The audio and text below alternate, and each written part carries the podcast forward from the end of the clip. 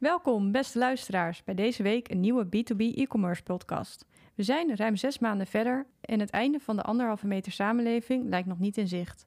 Veel bedrijven houden de hand op de knip en stellen doorontwikkelingen uit. Maar is dat wel zo verstandig? Deze week zit onze host Imre op de bank om dit te bespreken. Mijn naam is Sanne en stel Imre deze week de vragen.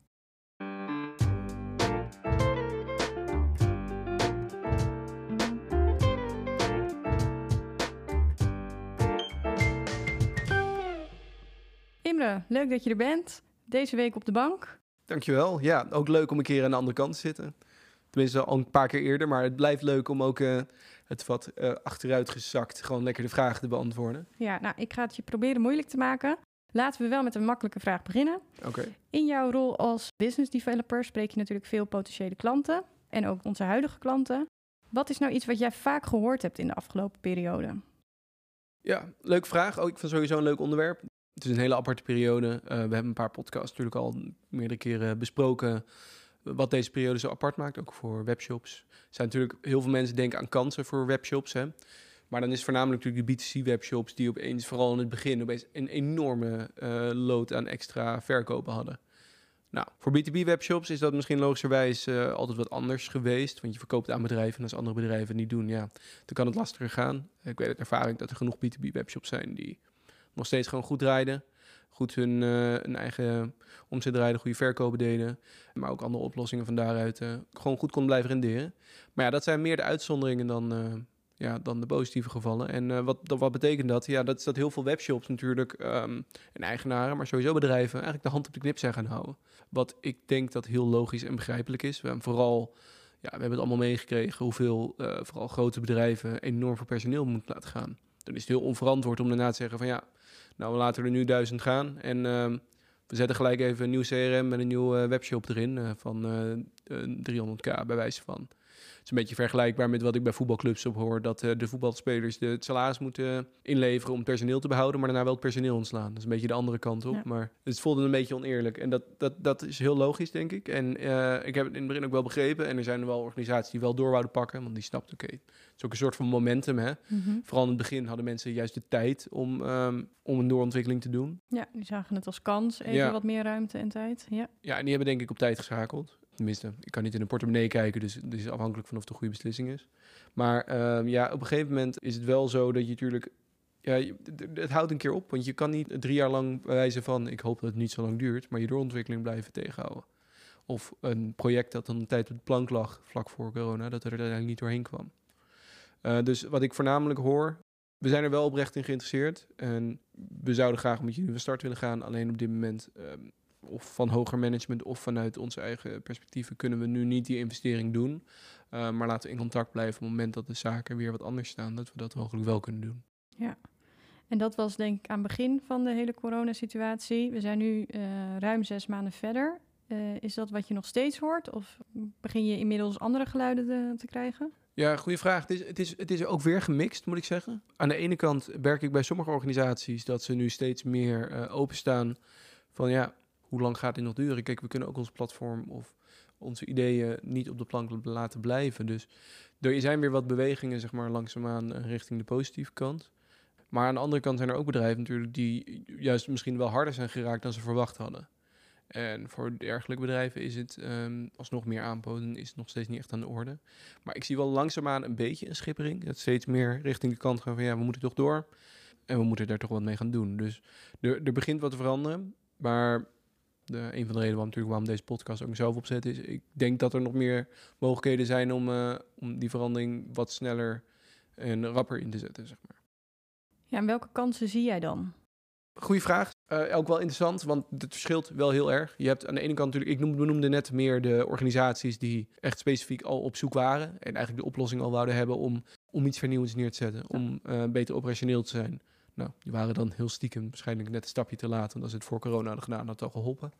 Maar uh, als ze nu dat wel hadden, de kans nu eigenlijk, ja, doe het, probeer het gewoon nu te doen. Er is mogelijk, zijn er bij sommige bureaus, is er nu meer tijd dan normaal.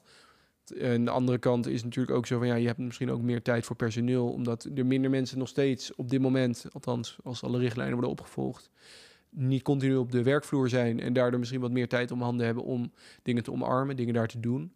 En ook het proces van vaak bij nieuwe digitale oplossingen is het ook altijd een soort van transformatieproces. Hè? En misschien is daar nu ook meer tijd voor. Dus uh, dat is sowieso een kans van ja, als het toch al op de radar stond en je hebt de budgetten ervoor en je hebt het plan gemaakt met wat willen we eruit halen en is dat in deze periode nog steeds relevant, dan is die kans er nog steeds. Dan zou ik dat nog steeds aanraden van ja, ga, ga er nu over nadenken om nu. Ja, we zitten nu richting het nieuwe jaar toch wel echt uh, op de radar zetten van ja, hier moeten we nu echt aan de gang in um, Q1, max Q2. Om daar toch wat mee te gaan doen. Want wie weet hoe lang dit nog gaat duren. En om dan alleen maar te wachten, ja, stilstand is achteruitgang, zeggen ze altijd. En dat is natuurlijk in dit geval sowieso zo. Dus voor de projecten die al stonden, zou ik zeggen, evalueer nog een keer of dat in deze periode gerechtvaardigd is om te doen. En zet die stap dan alsnog. Merk je dan ook bijvoorbeeld dat bedrijven die nog niet online hun product of dienst aanbieden, dat dat in een stroomversnelling is gekomen? Dat de, de urgentie van het online zijn, nu iedereen thuis zit en eigenlijk niet naar buiten mag of zoveel mogelijk binnen moet blijven, dat dat in een stroomversnelling is gekomen? Ja, dat is een goede vraag. Uh, ik moet wel zeggen dat ik voornamelijk in het begin heeft dat een enorme stroomversnelling gehad. Even heel kort door de bocht, denk ik dat de meeste keer als je dat in een extreme stroomversnelling doet, is dat meestal nooit goed gegaan. Tenminste, ik kan verkocht hebben, maar met veel problemen van dien.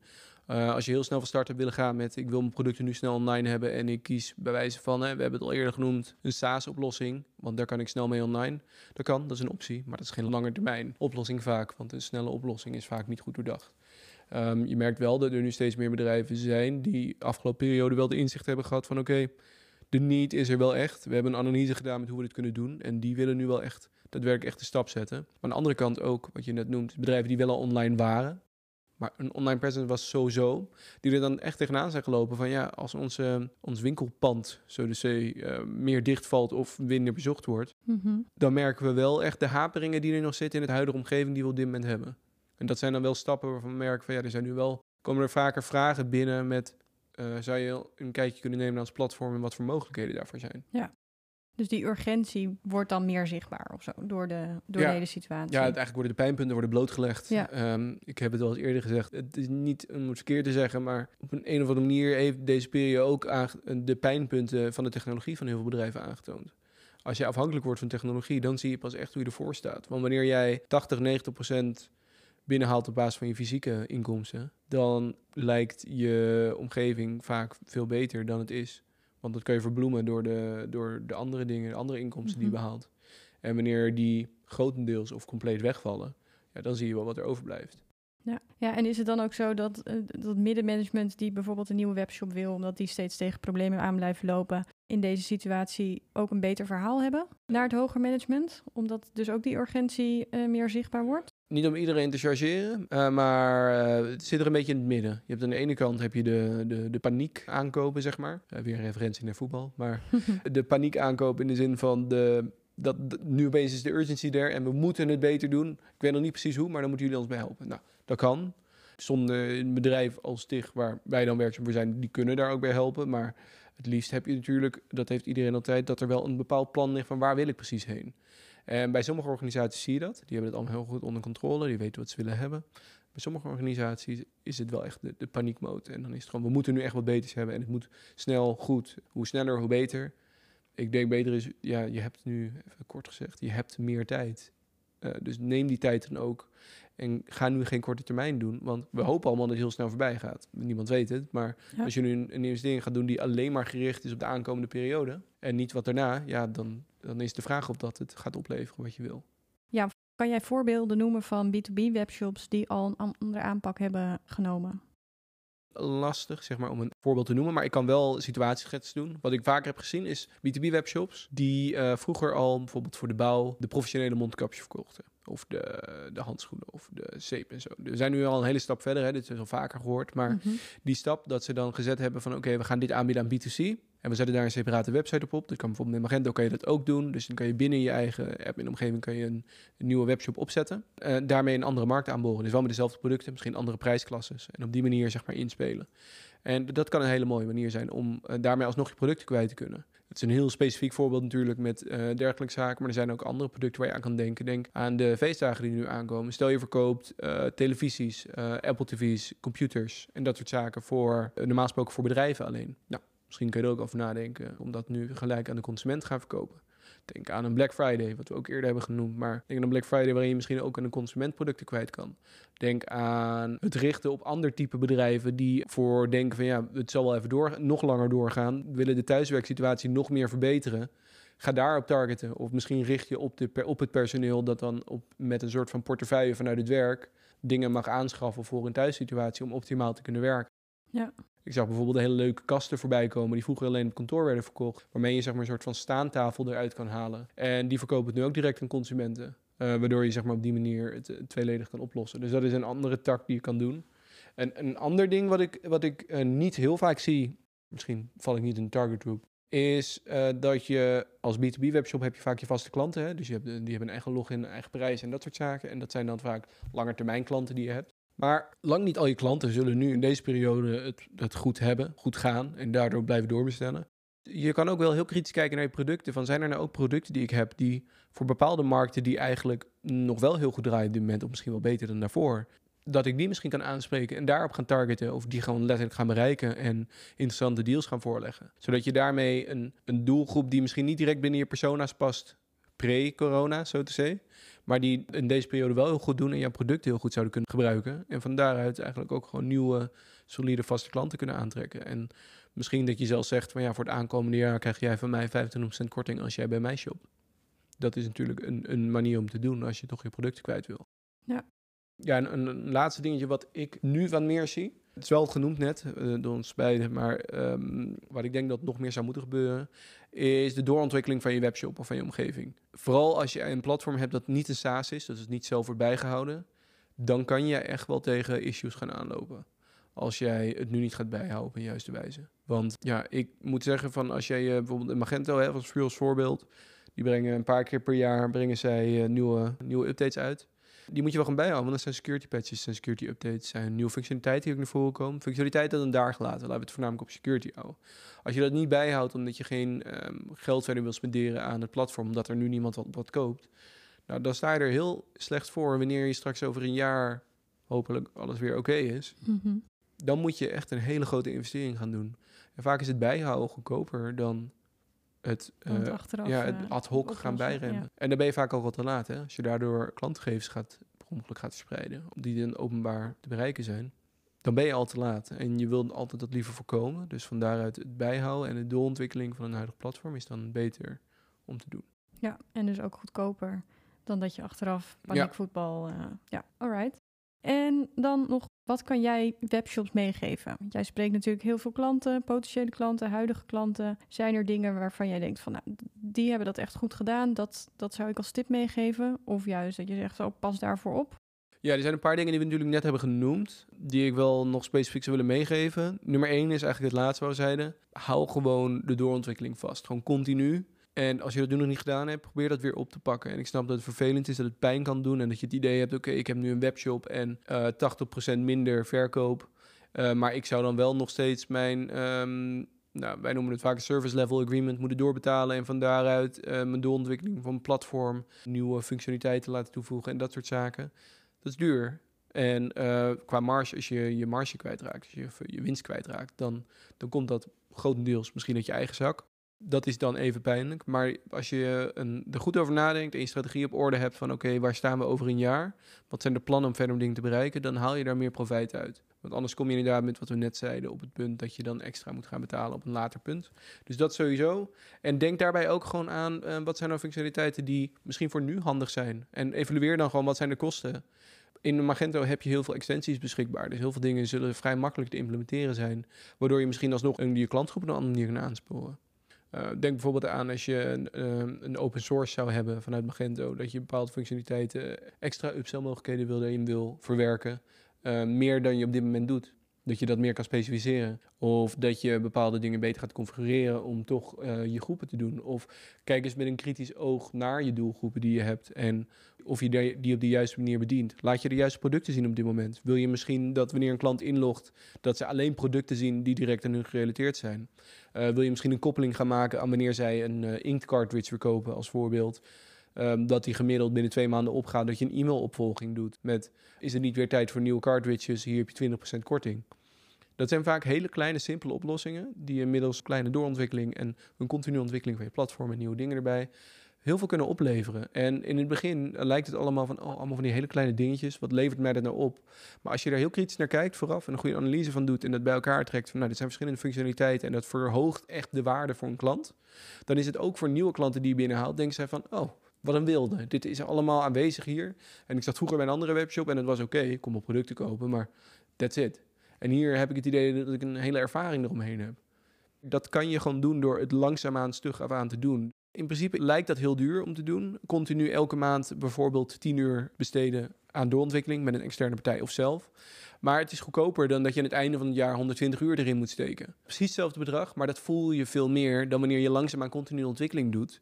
En daarnaast, elke ontwikkeling die je doet elke maand, wordt weer teruggezien in je shop en door jouw klanten. Dus in plaats van dat je in één keer, wow, shabam, hier is een nieuwe webshop met allemaal nieuwe functionaliteiten. Ja. Heb je gewoon steeds meer langzame pushes waarin je misschien elke keer weer een nieuwe groep kan Heb je ook eerder profijt van Ja. de dingen die je eh, al doorontwikkelt. Dus eigenlijk wat jij zegt is, sta niet stil als de ruimte er is. Blijf vooral eh, doorontwikkelen. Eh, denk ook vooral aan die updates, zodat je website veilig blijft. Ja, dus sowieso een doorontwikkeling, daar ben ik sowieso voorstander van. Een ander dingetje wat ik nog goed vind om ook even te noemen is wat ik eerder zei. Hè. Stel je had al vorig jaar een plan op liggen van bijvoorbeeld ik wil een nieuwe CMS integreren. Of ik wil een nieuwe webshop opzetten. Of ik wil een compleet nieuw iets doen.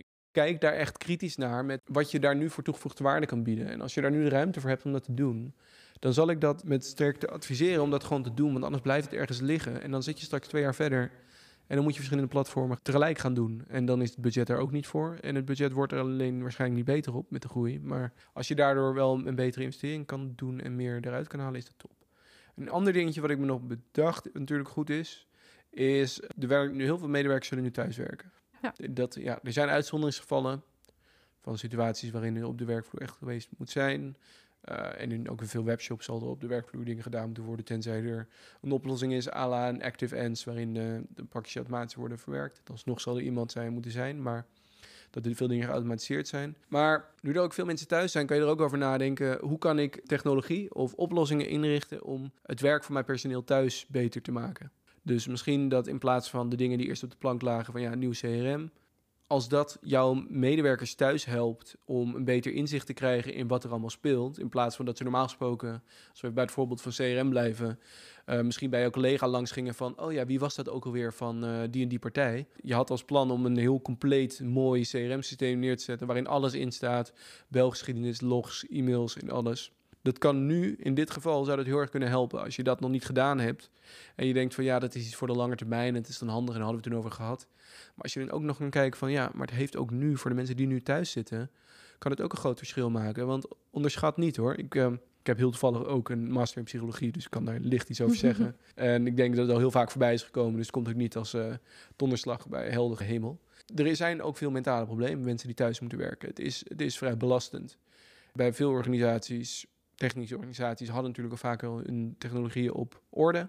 En het was, de overstap was vrij goed te doen.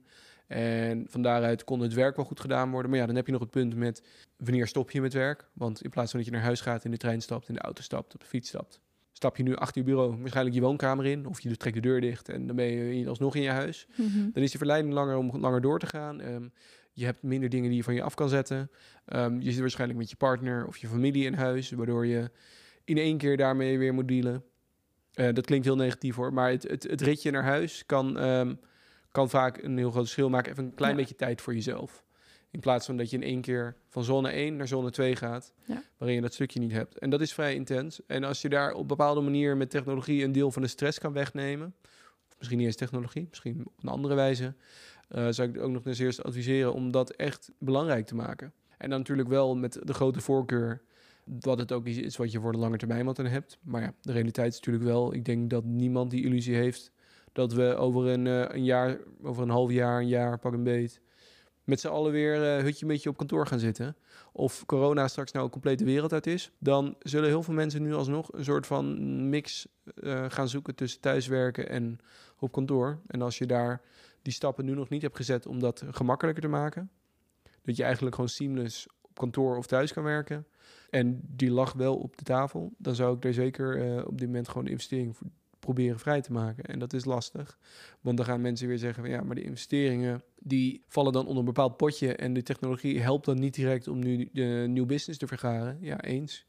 Maar als het helpt voor de well-being van je personeel en daardoor uh, langer termijn zij beter kunnen presteren en beter in de vel zitten en van daaruit ook langer blijven, dus je tenure verlengen, Mhm. dan is dat ook heel wat waard. Ja, ja dus die- eigenlijk zeg je ook van joh, de ruimte die je nu hebt, gebruik die. Ja, en, eh, Zet die goed in. ja, en, en kijk ook kritisch naar, naar hoe je personeel met dingen werkt en of technologie hen verder kan helpen. Eh, Bijvoorbeeld een nieuwe webshop kan een, een goed gestroomlijnde webshop, om even terug te gaan naar webshops, kan het veel makkelijker maken voor het personeel dat nu wel thuis moet zitten en eh, door een of andere moeilijke omgeving twintig keer moet klikken of eerst een CSV moet uploaden eh, of handmatig een, eh, een factuur moet gaan uitdraaien die dan moet gaan e-mailen naar een klant. of met een klant moet gaan whatsappen. En ze moeten nu een mobiele nummer geven, terwijl ze normaal gesproken niet deden, omdat de, werktelefoon moeilijk te bereiken is. En ze dan weer dat heen en weer moeten doen. En als het allemaal intern vanuit één systeem kan, dan ontlast je daarmee personeel. Je maakt de ervaring voor je klanten beter. Ja, en eigenlijk daarmee eh, creëer je gewoon een grote win-win. Nou, dit lijkt me een hele mooie om mee af te sluiten. Ik hoop dat alle B2B en B2C shop-eigenaren hier wat aan hebben en eh, hun voordeel hiermee doen. Dankjewel voor alle tips. Yes, dankjewel voor het vragen. Dank voor het luisteren. Elke week publiceren wij een nieuwe B2B e-commerce podcast op onder andere Spotify, Apple Podcast en Google Podcast.